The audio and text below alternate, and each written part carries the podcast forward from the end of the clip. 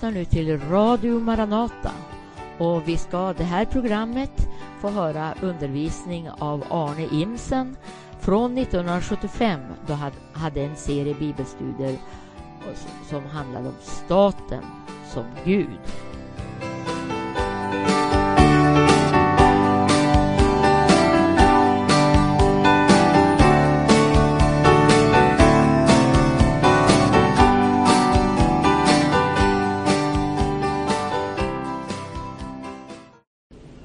Tidigare har vi talat om staten som Guds eh, staten som Gud, utan att vi utvecklade det där kanske speciellt distinkt.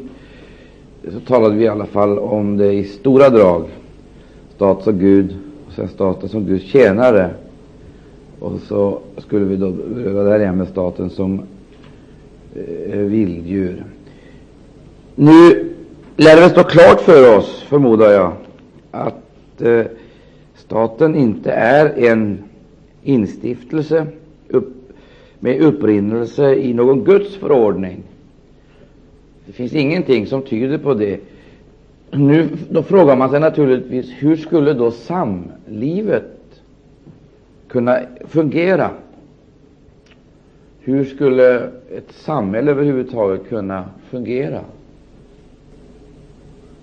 Guds väg, det var ju precis den diametralt motsatta Alltså icke centralisering och maktkoncentrationer utan eh, till institutioner, utan fastmer var det Guds tanke, decentralisering av all makt till individer. Och där Gud ville lägga tyngdpunkten, det framgår ju ganska klart i skriften. Var var det någonstans? Där tyngdpunkten skulle ligga. Va? Familjen. Där skulle tyngdpunkten ligga. Makten skulle alltså vara delegerad så och decentraliserad så att familjerna och familjen skulle vara det centrala. Vi vet ju att det gick inte på det sättet, utan eh, människan har ju en sjusärdeles förmåga att eh, konstruera om Guds planer. Och Vi sa också förra gången att det hände någonting det hände någonting mycket allvarligt med människan i själva syndafallet. Det uppenbarade sig ganska tidigt, eh, och det utvecklades, det säga befästes ytterligare allt eftersom generationerna avlöste varandra. Så befäste sig detta, denna ondska, kan man ju säga, ytterligare till dess vi kommer fram till syndafloden. Och då eh, ser vi efter floden, det är någonting som sker. Gud tvingas för att beskydda människan sätta upp en mur. Ja, ett faktum är han måste sätta upp en skyddsmur mellan människan och den övriga skapelsen. Vad är det för skyddsmur som Gud sätter upp? Det är fruktan, alltså en, en mur av fruktan. Men nu var det också dessutom viktigt, nu var det synnerligen viktigt att den eh, brist som hade uppstått i alla mänskliga relationer och relationerna med den övriga skapelsen kompenserades. Alltså, för att annars så skulle ju alltsammans utvecklas till ett totalt kaos. Det måste alltså skapas ett regelsystem. Vad hade man tidigare haft när man saknade det vi skulle kunna kalla en skriven, konstruerad regel eller lagbok där det inbördes förhållandet människor emellan reglerades. Vad hade man tidigare haft? Man hade haft samvetet, och det kallas också för samvetets tidsålder. Och hur gick det då, när människan så att säga var överlämnad åt sitt eget samvete och då, de mellanmänskliga relationerna reglerades på det sättet. Vad, hur gick det då? Ja, ondskan tilltog och framför allt våldet. Våldet förökades. Vad kan vi av det dra för slutsatser? Ja, men vad kan vi av det dra för slutsatser? Det finns en slags urvalsprincip här. En urvalsprincip, en ganska märklig urvalsprincip för övrigt. Och vad är det för, vad är det för någonting som sker i ett samhälle där det inte finns Eh, något kontrakt eller några bestämmelser nedtecknade som man kan åberopa eh, för umgängesformerna? Det handlar ju om många ting, ska vi tänka oss. Det handlar ju om väldigt många ting. Vad är det som sker i ett sådant samhälle, i en sådan miljö, där samveten har blivit avtrubbade? Alltså, där har vi det mentala, alltså den mentala defekten hos människan, det är att hon är maktgalen. Hon är maktgalen. Det märker vi på alla nivåer. Det märker vi i det stora sammanhanget, det märker vi i de små sammanhangen. Vi märker det i familjelivet, vi märker det i arbetslivet. Där märker vi makt, den maktgalna människan och den starka människan.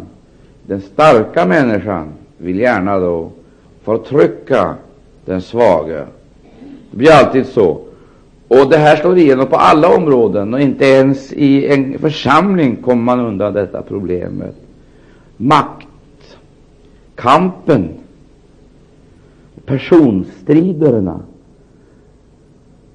Och det eh, skulle vi kunna säga att alla, eller många av de konflikter som utlöses har sin upprinnelse i människans maktmissbruk.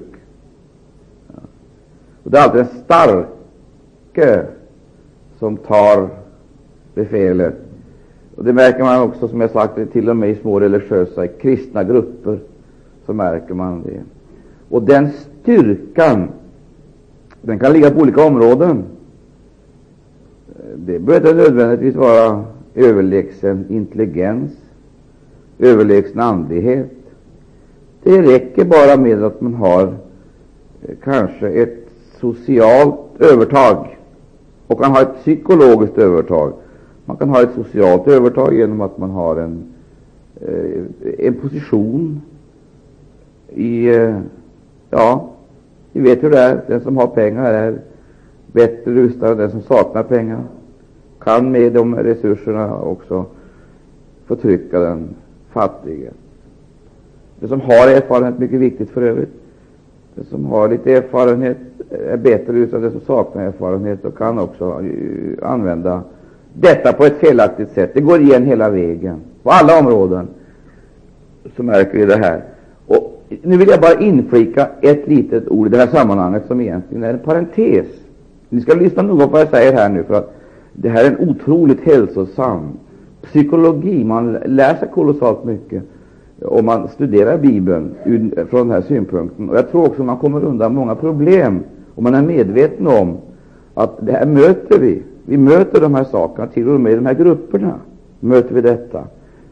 Eh, och jag tror att man kommer undan väldigt många problem om man är medveten om det och sen utrustar sig med rätta vapen för att möta de situationer som uppkommer när man hamnar i sådana här situationer.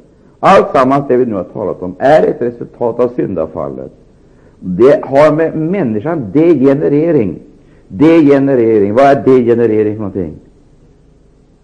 Man talar om evolution, utveckling, degenerering. Vad är det för någonting? Dess motsats.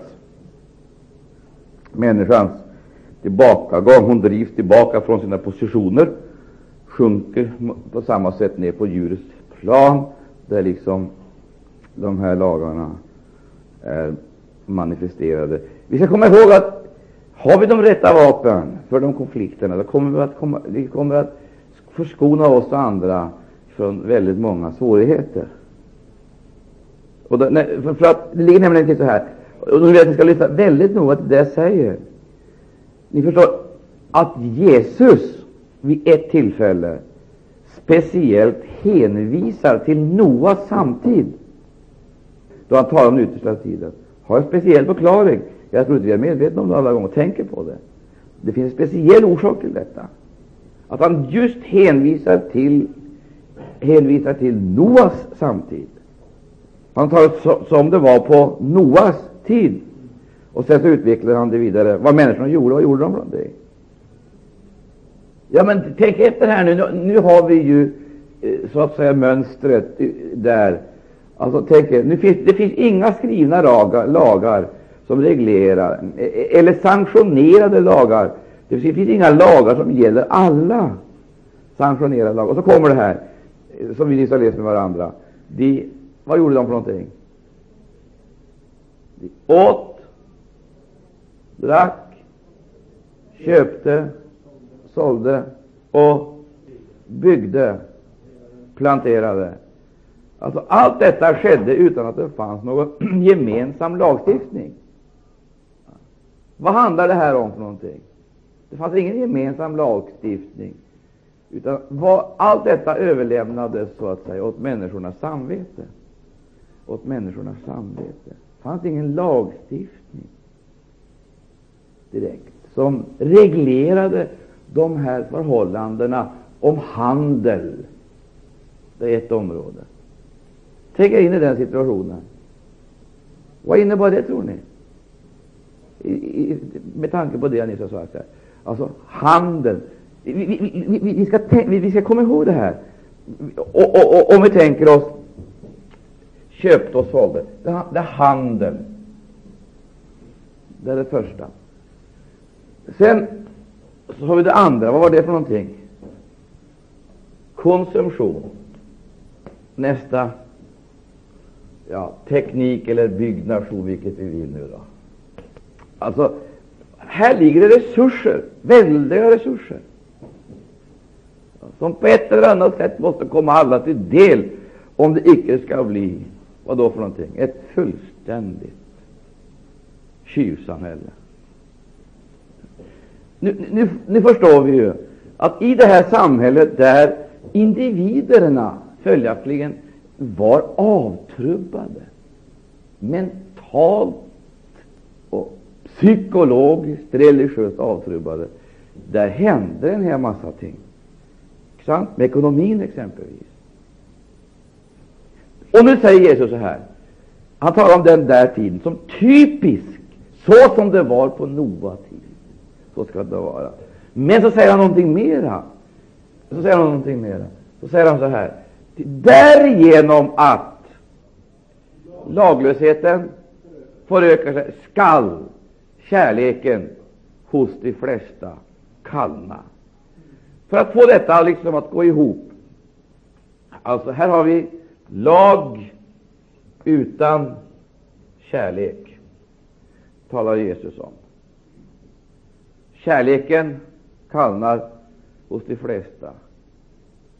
Lag utan kärlek, säger Jesus. Alltså, vi, vi, vi, vi, ska göra klart för oss en sak i det här sammanhanget.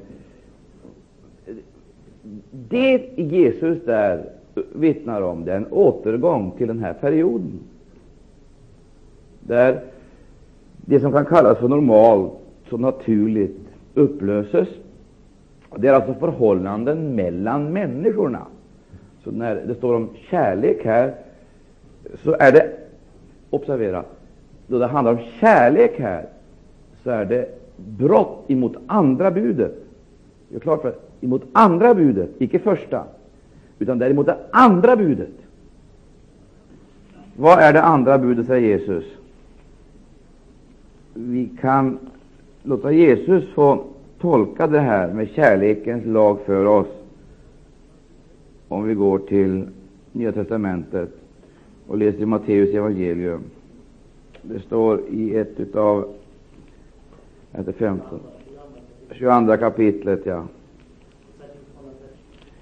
Om vi läser där 20, 22, 23 så ska vi se här vad, vad Jesus säger. Vi läser där den eh, Vi kan läsa 36, 37, 38, 39. Varsågod.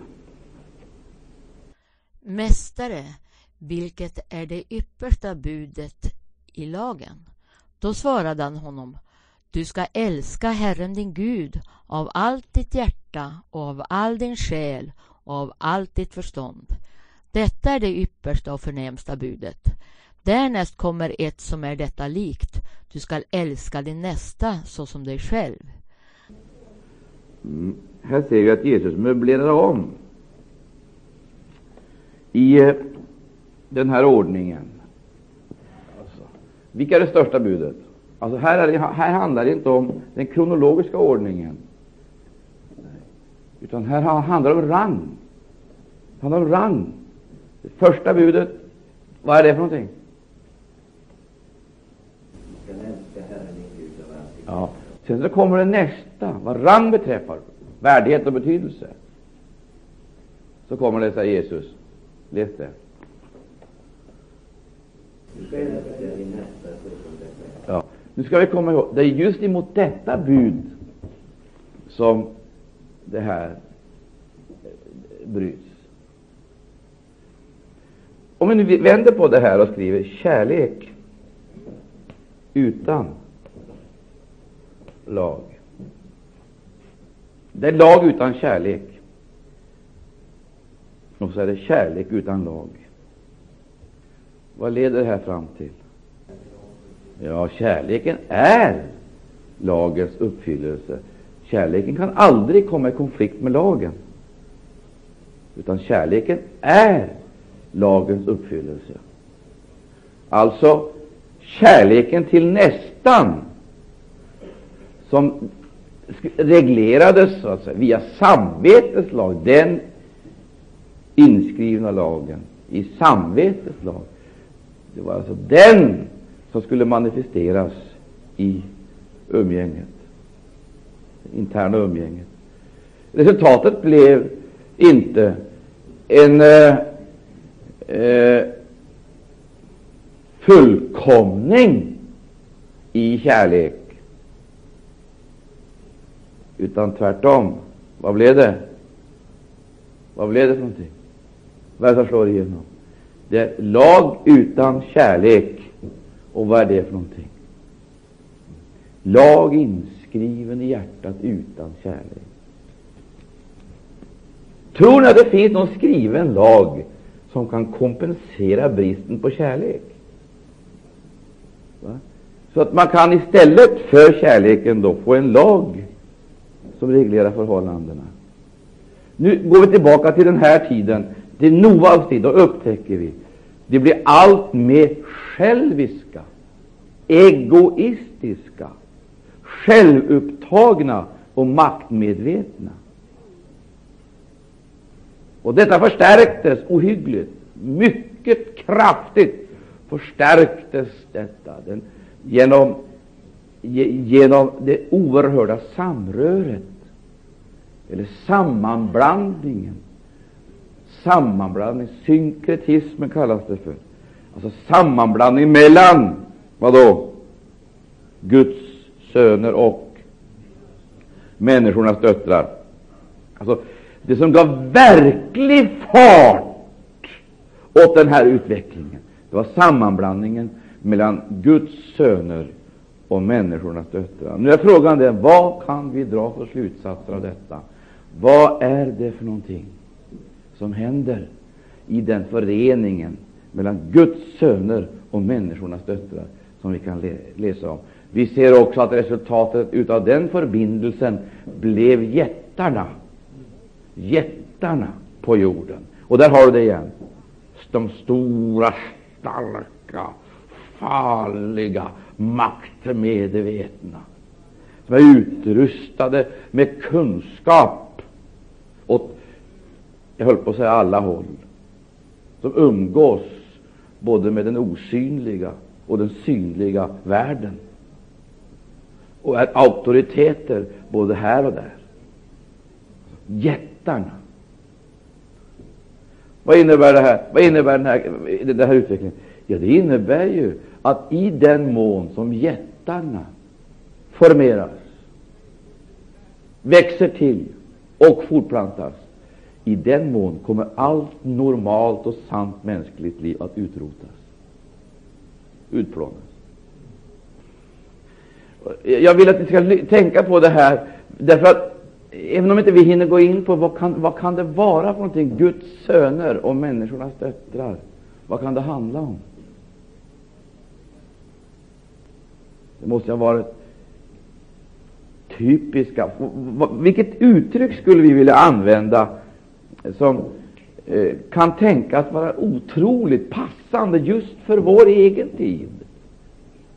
Där vi upptäcker att det, det, det vanliga, normala, naturliga, mänskliga livet det blir allt mer komplicerat, svårt och, och specialiserat. Jag vet inte om jag nämnde det här förra gången. Jag kanske ska göra det i så fall en gång till. Jag, jag tror jag ska gå igenom det här mer för att visa er hur problematiskt alltsammans blir. Gud hade sin tanke att utveckla sin vilja genom familjen. Det var Guds stora tanke. Vad gör då människan? Hon specialiserar sig istället för att gå ut över jorden familjevis. Så sammanyttrar man sig i städer. Och så kommer Babel. Och du kommer icke att kunna förstå Babel. Du förstår icke Babel eftersom det handlar om förening åt två håll. Guds söner, människornas döttrar. Det är resultatet av detta som, som, som manifesteras i Babel. Det är, ny, det, är ny, det är en ny kunskap, en ny dimension, en ny makt, en ny politik. Och du kommer inte att förstå detta förrän du kompletterar Första Moseboks elfte kapitel, är det väl, med vilket kapitel i Bibeln ska vi kunna verkligen ta reda på vad det är för bakomliggande krafter som för fram Babel. För det, det finns två, det, det, är två riktningar det här går. Det är Guds söner och människornas döttrar. Babel är sammanblandningens stad. Icke bara det att människorna, så att säga, förenas, i, beblandas. För att dra ut över jorden så sammangyttrar de sig en stad. Utan det finns andra ting som vi måste ta hänsyn till här, som säger det kanske det mesta. Vad är det för någonting? Vi måste gå fram i, i, i texterna och genom århundradena för att lyssna på profeter som har sett in bakom, eh, bakom skenet och bakom det historiska händelseförloppet. Ska vi förstå Babel, då måste vi gå till Jesaja. I, i, i Jesaja, där, eh, vi får ta läsa det, men vi får återkomma till det här med familjen, Guds söner och människans döttrar, som sammanhyttar sig i en stad och blir ett oerhört maktblock, ett fruktansvärt maktblock. Det är sant att det handlar om makt, och det handlar om makt eh, som är ohygglig i sina verkningar. Vi kan gå till Jesaja och läsa i Jesaja boks eh, det profetian om Babel. Om vi går till eh, det fjortonde kapitlet här, ja, så, eh, så heter det sång heter det över Babels konungs fall. Och I trettonde kapitlet där har vi alltså domsorden som uttalas över Babel. Jag vill rekommendera er att ni nu, eh, när det här mötet är slut och ni disponerar tiden, att ni läser båda de här kapitlen ganska ingående, för där får vi lära känna, jag höll på att säga, det andliga livet i den här stan. Vad det har för inspirationskälla och vad det är som är typiskt i den. Men om vi nu just nu nöjer oss med att läsa här det fjortonde kapitlet, Eh, så får vi veta eh, vilken ohygglig maktkonstellation det egentligen är. Ska vi läsa? Jag läser från den fjärde versen. Vi kan läsa den tredje versen. Och på den dag då Herren låter dig få ro från din vedermöda och ångest och från den hårda träldom som har varit dig pålagd, då ska du stämma upp denna visa över konungen i Babel. Du ska säga, vilken ände har icke plågaren fått, vilken ände pinoorten? alltså plågaren och pinoorten. Herren har brutit sönder de ogudaktiga stav, tyrannernas ris, det ris som i grymhet slog folken med slag på slag och i vrede härskade över folkslagen med skoningslös förföljelse. Hela jorden har nu fått vila och ro, man brister ut i jubel. Själva cypresserna gläder sig över ditt fall, och Libanons sedrar. Sedan du nu ligger där drager ingen hit upp för att hugga ned oss. Dödsriket där nere störes i sin ro för din skull, där det måste taga emot dig. Skuggorna där väckas upp för din skull. Jordens alla väldige, folkens alla konungar måste stå upp från sina troner. Eh, och så kommer det eh, klart och tydligt alltså vad det här handlar om. Och vi, vi, vi läser de upphöva alla sin röst och säga till dig, så har då också du blivit maktlös som vi, jag blivit vår like. Ned till dödsrike har din härlighet måst fara, och dina harpors buller förruttnelse är bädden under dig, och maskar är ditt täcke. Hur har du icke fallit ifrån himmelen, du strålande morgonstjärna? Hur har du icke blivit fälld till jorden, du folkens förgörare?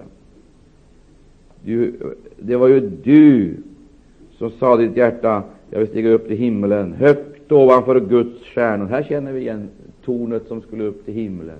Och där vet vi var inspirationskällan till detta kommer, varifrån det kommer. Och så fattar vi att här handlar det inte bara om en mänsklig maktmedvetenhet. Här handlar det om en övernaturlig inspiration och en övernaturlig kraft som kör fram detta, för fram det. Och vad är det vi känner igen? Vem är det vi känner igen i Babel? Vem känner vi igen? När vi börjar studera Babels idé, Babels filosofi, Babels inspiration, Babels strävanden, Babels politik, vad är det vi känner igen? Vem är det vi känner igen? Det är Satan. Vad handlar det om? Det är ju ingenting annat än Satans uppgörelse med Gud. Och vad är Babel för någonting? Babel är det instrument som Satan vill använda i den maktkampen. Vad har han gjort för någonting? Han har ryckt, eller han har ryckt människan över på sin sida. För Gud skapade människan till sin avbild och till konung för att människan skulle vara med och återerövra någonting som hade gått förlorat i tidigare eoner. Någonting hade hänt eh, som hade gjort att Gud skapade människan som sin vicekonung i det väldiga händelseförlopp och det kolossala krig som utkämpades mellan ljus och mörkers makter. Detta var människans tanke, Guds plan med människan, att hon skulle vara med och återerövra den provins, om vi så får säga, som var på ett eller annat sätt, direkt eller indirekt, under diaboliskt inflytande. Men så rycker människan, rycker Satan människan över på sin sida. Han berövar henne icke naturligtvis hennes vilja till tillbedjan och hennes strävan till makt och hennes strävan till utveckling. Utan vad han gör, han perverterar allt detta och tar alla dessa egenskaper i sin tjänst. Vill säga, och gör människan lika sig i det avseendet att hon använder sin intelligens, genom hon skiljs från övriga skapelsen, sin religiösa strävan, varigenom hon vill närma sig Gud, och sin andlighet, varigenom hon kan fortplanta detta inneboende liv. Allt sammans detta tar han i sin tjänst för att bygga upp ett bålverk emot Gud. Och den första som han totalt får hand om, det är Kain som individ. Vad gör han? Under det här skedet i utvecklingen, alltså under det här skedet, då börjar han bygga vad då för någonting? En, är inte så? Han börjar bygga en stad. Och då vet vi resultatet av detta. Det visar sig i hans sätt att förvalta det. Hur tror, ni, hur, hur tror ni Kain upplevde sin situation i det ögonblicket? Först kampen mot Abel. Abel var utrotad. Så ber de bygga en stad. Vad är det för dammluckor som har öppnat mot själva avgrunden? Och han bygger den. Utvecklingen går vidare till Nimrod, som blir en väldig jägare inför Herren. Han bygger inte bara en stad. Vad gör han? Han bygger ett välde. Ett välde. Då befästes alltså makten. Men ett välde, vad är det för någonting? Ett välde. Det är en stat, ett, ett rike med gränser. Han blir alltså suverän inom ett speciellt område. Där är han, vad då? Konung. Enväldig härskare. Här har vi den första diktaturen. Men lyssna här nu. Nu ska ni komma ihåg, här finns det inga lagar. Vad är, det, vad är då vad är rätt i ett sådant samhälle? Makt är rätt i ett sådant samhälle. Makt är rätt. Och han hade alltså makten i sina händer. Vad är då den övriga delen utav folket eller befolkningen, medborgare eller vad du vill kalla det för någonting? Vad är individerna? Är de vise med konungar, medregenter, eller vad är de någonting? De är förvandlade till slavar. Systemet slavar. De är makthavarnas lakejer. Vi, vi, vi ser hur detta sen ytterligare tar sig uttryck här har du makten, så att säga, sanktionerad i ett välde. Så kommer vi fram till det tolfte kapitlet, eller elfte kapitlet. Där, där märker vi någonting. Vi, vi, vi lämnar inte riktigt ännu Jesajas 14, utan vi håller kvar Jesaja 14, men går ett litet ögonblick tillbaka till Första Mosebok. Om vi går till Första Moseboks eh, elfte kapitel. Först så läser vi det tionde kapitlet, Första Mosebok 10. Där heter det alltså den åttonde versen. Det heter så här, men Kus födde Nimrod. Han var den första som upprättade ett välde på jorden. Han var och en väldig jägare inför Herren, och därför plägar man säga en väldig jägare inför Herren såsom Nimrod. Och hans rike hade sin begynnelse i Babel, Erek, Akkad och Kalne i Sinjars land. Så upptäcker vi att sådana riken, ja, vilka riken för övrigt, är det som har sin upprinnelse, sitt ursprung i denne Nimrod? Va? Det är Nimrod som står som världsrikernas fader. Assyrien. Och sen, på samma sätt som trons folk kan härledas ifrån Abraham, så kan samhällena, observera, observera, kan samhällena, staterna, strukturerna härledas ifrån Nimrod. På samma sätt som Gud tar ut en man för att ta ut ett folk åt sig, att operera Satan för att omöjliggöra Guds planer genom att delegera makt på samma sätt delegera makt, icke åt individer i första hand, men åt kollektiv, organiserade i stater. Vad tror ni hände där uppe på berget när Jesus fördes dit genom Anden för att frestas av Satan? Vad är det då han får se? Va? alla riken i världen. Och vad säger Satan? Jaha, vad ligger det i den frestelsen? Alltså, vi, vi, möter, här möter vi det igen. På nytestamentlig mark, på tröskeln till den nya tidsåldern, så möter vi exakt samma saker igen. Och där är Jesus som utsätts för frestelsen. Och när det här förklaras sedan, när detta förklaras, allt vad världen är och allt vad världen har säger en av apostlarna. Det är tre saker som är typiska för världen. Det är tre saker. Och det går igen ifrån första Mosebok till Uppenbarelseboken. Det är tre saker som är typiska för världen, säger aposteln. Vad är det för någonting? Det är ögonens begärelse. Ögonens begärelse. Det är allt vad världen har. Sen så är det nästa köttets begärelse. Och så är det högmod över detta livets goda. Du, gå tillbaka till Noas samtid, så ser du allt detta slagen ut i sin fullkomning.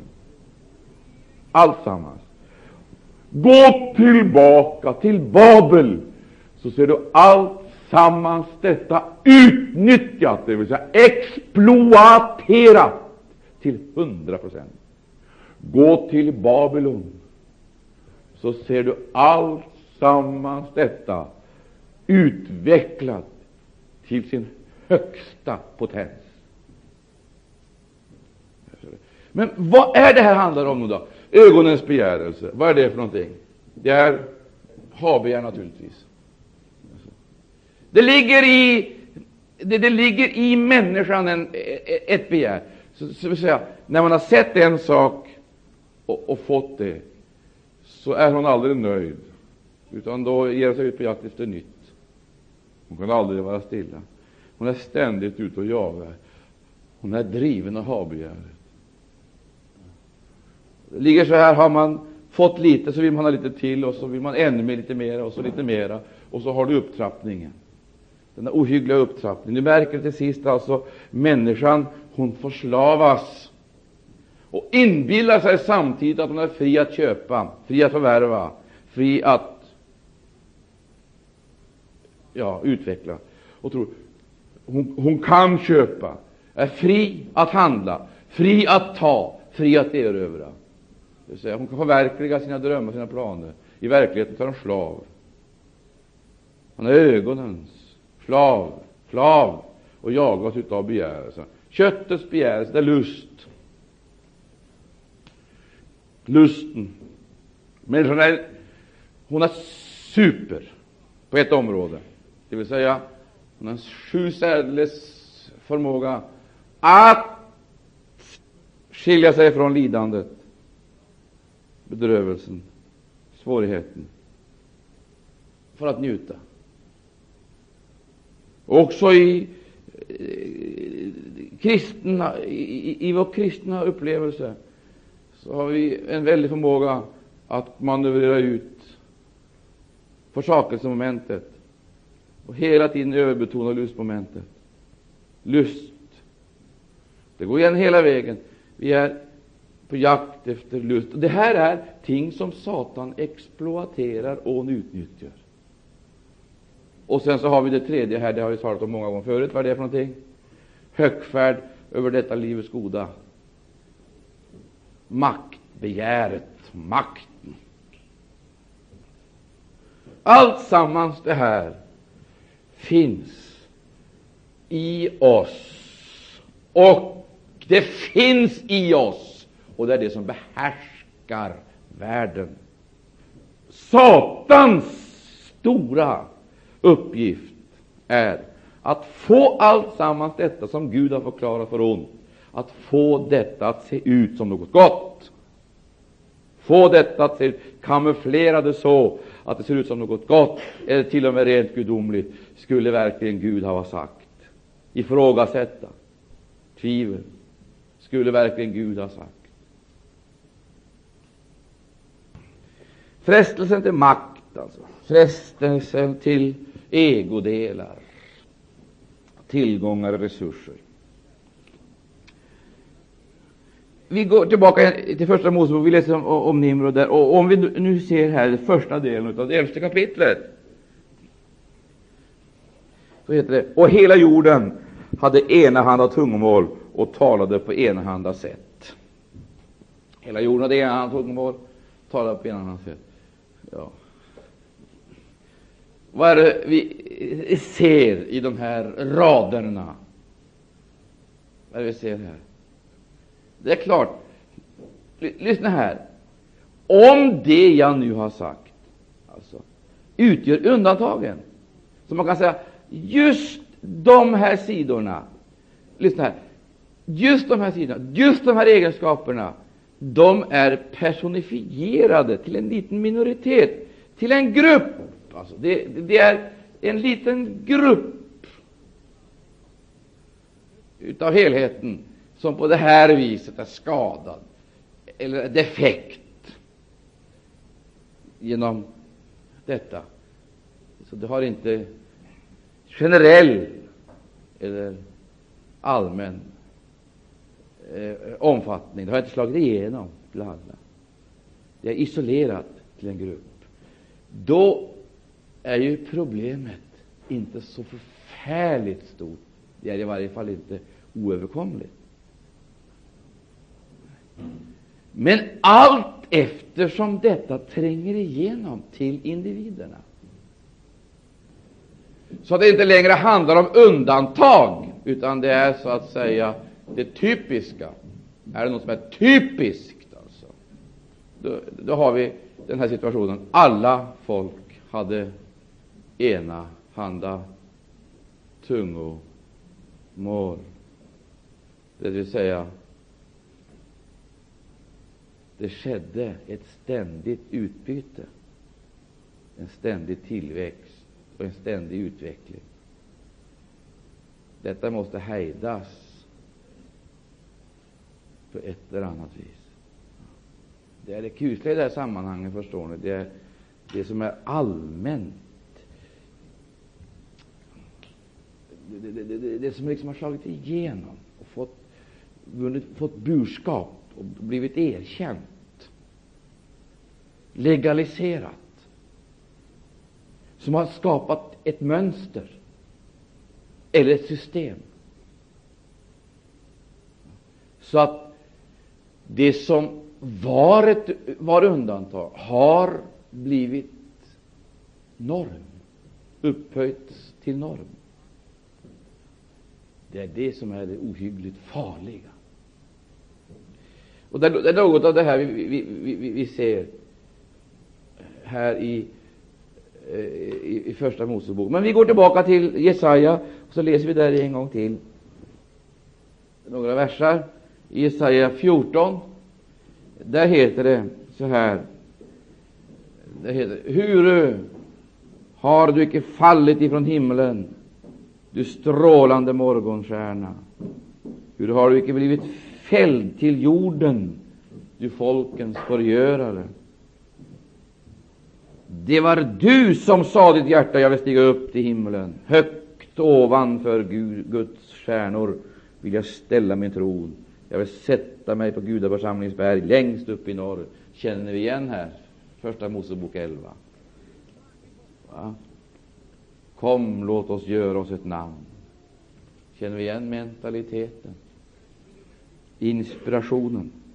Kom, låt oss slå tegel och bränna det. Och teglet begagnade såsom sted, såsom murbruk begagnade jordbäck. Så vidare. Kom, låt oss bygga en stad åt oss och ett torn vars spets räcker upp i himlen och så gör oss ett namn vi kunna eljest bliva kringspridda över hela jorden. Och vi läser vidare i Jesaja 14. Där heter det jag vill stiga upp över molnens höjder, göra mig lik den högste. Nej, ned till dödsriket måste du fara längst ned i graven. De som ser dig stirrar på dig, de betraktar dig och säger, är detta den man som kom jorden att darra och riken att beva? Den som förvandlade jordkretsen till en öken. Lägg märke till uttrycket den som förvandlade jordkretsen till en öken och förstörde dess städer, den som aldrig frigav sina fångar så att de fingo återvända hem. Folkens alla konungar ligga tillsammans med ära, var och en i sitt vilorum. Men du ligger obegraven och bortkastad. lik en föraktad gren. Du ligger där överhöljd av dräpta, av svärdslagna män, av döda, som har farit ner i gravkammaren lik ett förtrampat as. Du skulle icke såsom det få vila i en grav, ty du fördärvade ditt land och dräpte ditt folk. Om ogärningsmännens avföda skall man aldrig mer tala. Anställ ett blodbad på hans söner för deras fäders missgärning. De får ej stå upp och besitta jorden och fylla jordkretsens yta med, med, med, städer. Vi upptäcker här ett oerhört märkligt språk som användes om Babels furste. Men när vi lyssnar noga till det här språket så upptäcker vi att likheten med Babel, alltså staden, som är resultatet utav hans, hans filosofi, hans strävanden, ambitioner, hans strid och krig. Så förstår vi. Vi märker, vi märker i hans sätt att tala så märker vi vad det ytterst gäller för någonting. Jag tänkte gå in på det här om familjen för att se hur detta har förstörts, alltså undan för undan, genom generationerna har detta förstörts, ända fram till vår tid. Och då säger Jesus, på samma sätt som det skedde på Noas tid. Vad är det vi kan känna igen? Vi kan känna igen tiden före floden. Den kan vi känna igen. Vad är det vi kan känna igen? Våldet, hänsynslösheten, själviskheten, egoismen. Nu finns det skrivna lagar, men det finns ingen kärlek. Och då hjälper det inte med skrivna lagar de är, då, där det inte finns kärlek. Och då dessutom samvetena avtrubbade, så säger skriften, då blir resultatet laglöshet. Laglöshet. Och detta det sprider sig till allt flera folkgrupper till att börja med. Till att börja med kan det, kan det iakttas alltså inom små grupper, rent marginella företeelser i själva folkhavet, men så slår det igenom till helheten, och så blir det normerande. Alla söker sitt eget och satsar hela sin livskraft på att nå sina mål. Är inriktade på en enda sak, att förverkliga sig själv, självförverkligandet. Så har vi hänsynslösheten som resultat. Du förstår, Guds vilja, det var någonting helt annat. De emotionella, alltså känslomässiga banden, relationerna mellan individerna i samma familj, de upplöses och människorna blir orotlösa.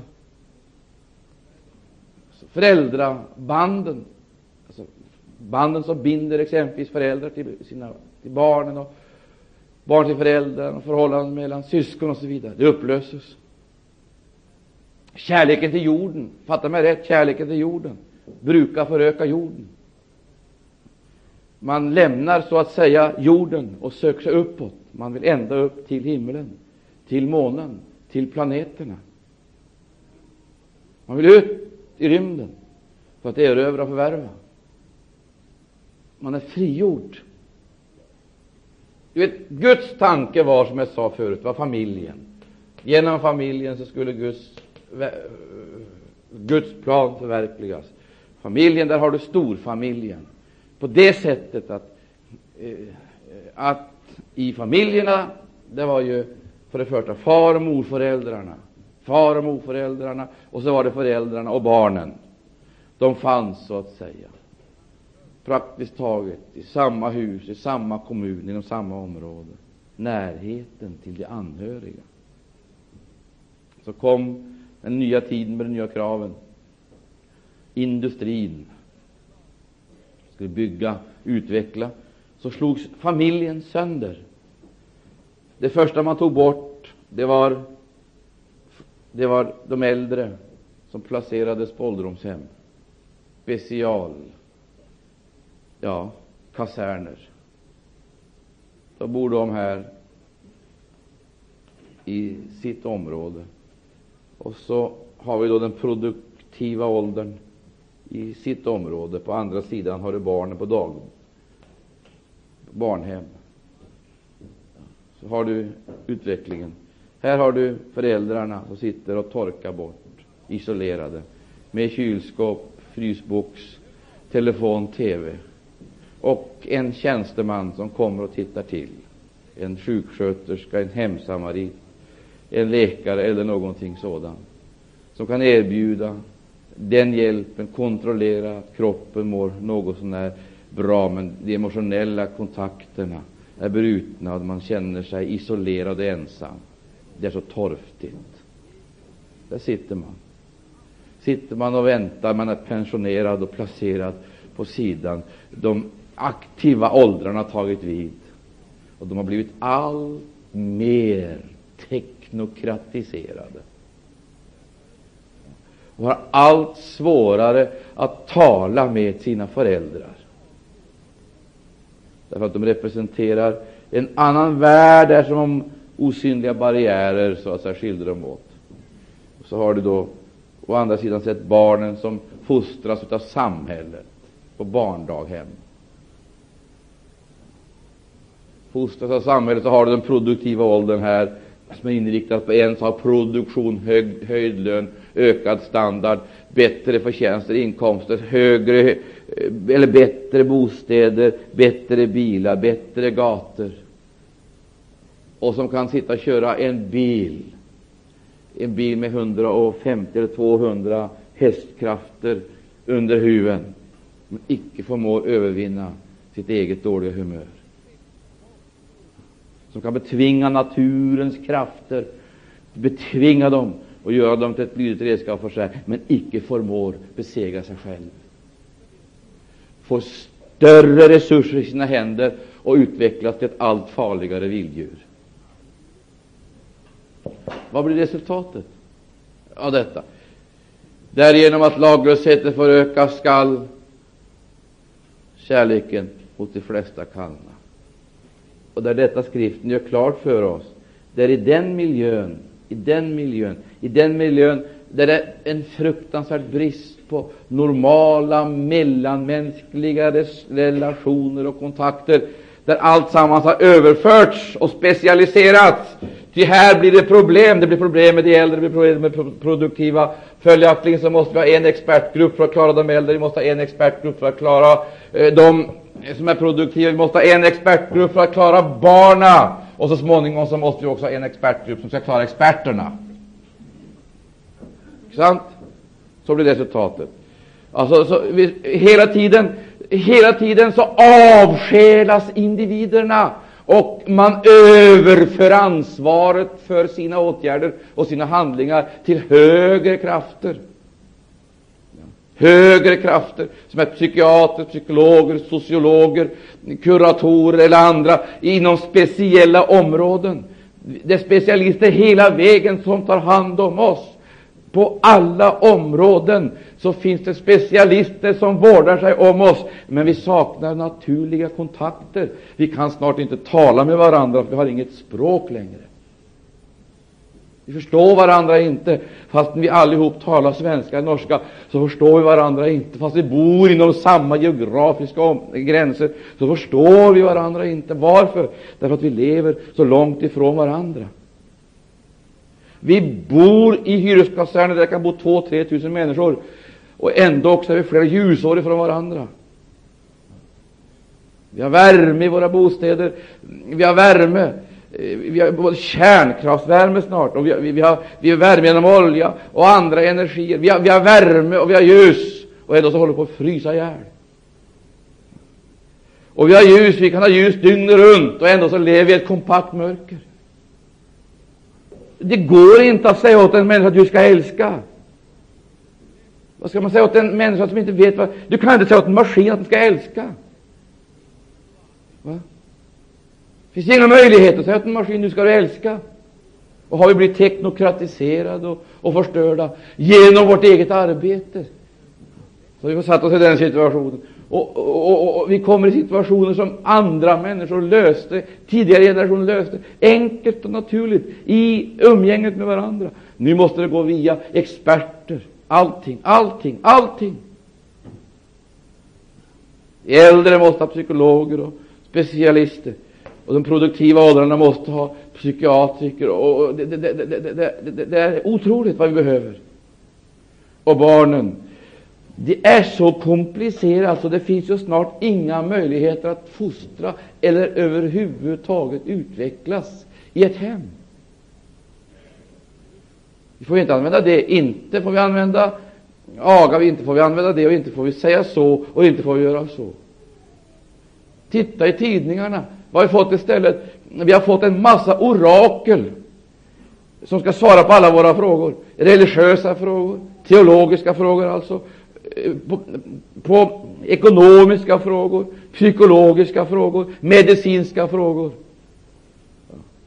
Sitter det orakel och skriver ihop så att säga svaren på alla våra problem. Det som man samtalade med varandra om internt. Det måste man överlämna åt specialister. Det här är utvecklingen emot det tillstånd som skriften säger. Och det är just ett sånt där samhälle som skriften kallar för en vilddjursstat. För det ska regeras utav det jag borde ha sagt här förut. Guds söner, människornas döttrar, bygger tillsammans ett Babels rike, ett omänskligt rike. Det är icke för människor, det är för övermänniskor. Och därför måste Gud utplåna det. Om något mänskligt överhuvudtaget ska kunna utvecklas, så måste det sätta stopp för den vidare utvecklingen. Och kom ihåg att vi är på väg emot det stora Babylon med en väldig hastighet. Vi går emot en tid då ingenting finns längre att rädda. Det finns ingen möjlighet att rädda någonting. Det enda Gud måste göra för att icke föreviga pinoorten för mänskligheten och detta ska fortplantas ned i ytterligare generationer, måste Gud stiga ned och sätta ett stopp.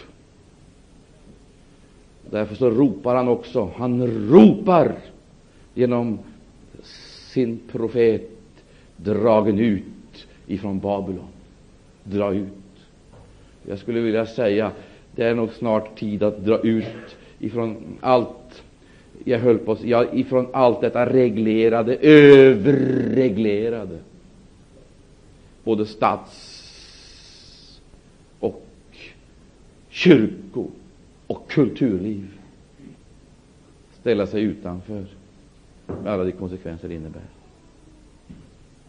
Ty det heter så här. Lyssna noga till vad jag säger här nu. Dragen ut ifrån henne och gören eder icke delaktig i hennes synder. Där har du problemet. Även om vi så att säga skulle kunna klara oss undan de största farorna och svårigheterna i detta system, så har vi ett solidariskt ansvar så länge vi är förenade med det och icke har gett vårt liv som en protest emot det, så har vi ett solidariskt ansvar inför Gud. Och därför säger skriften, dragen ut, det är budet. Mer, mera av Jesus.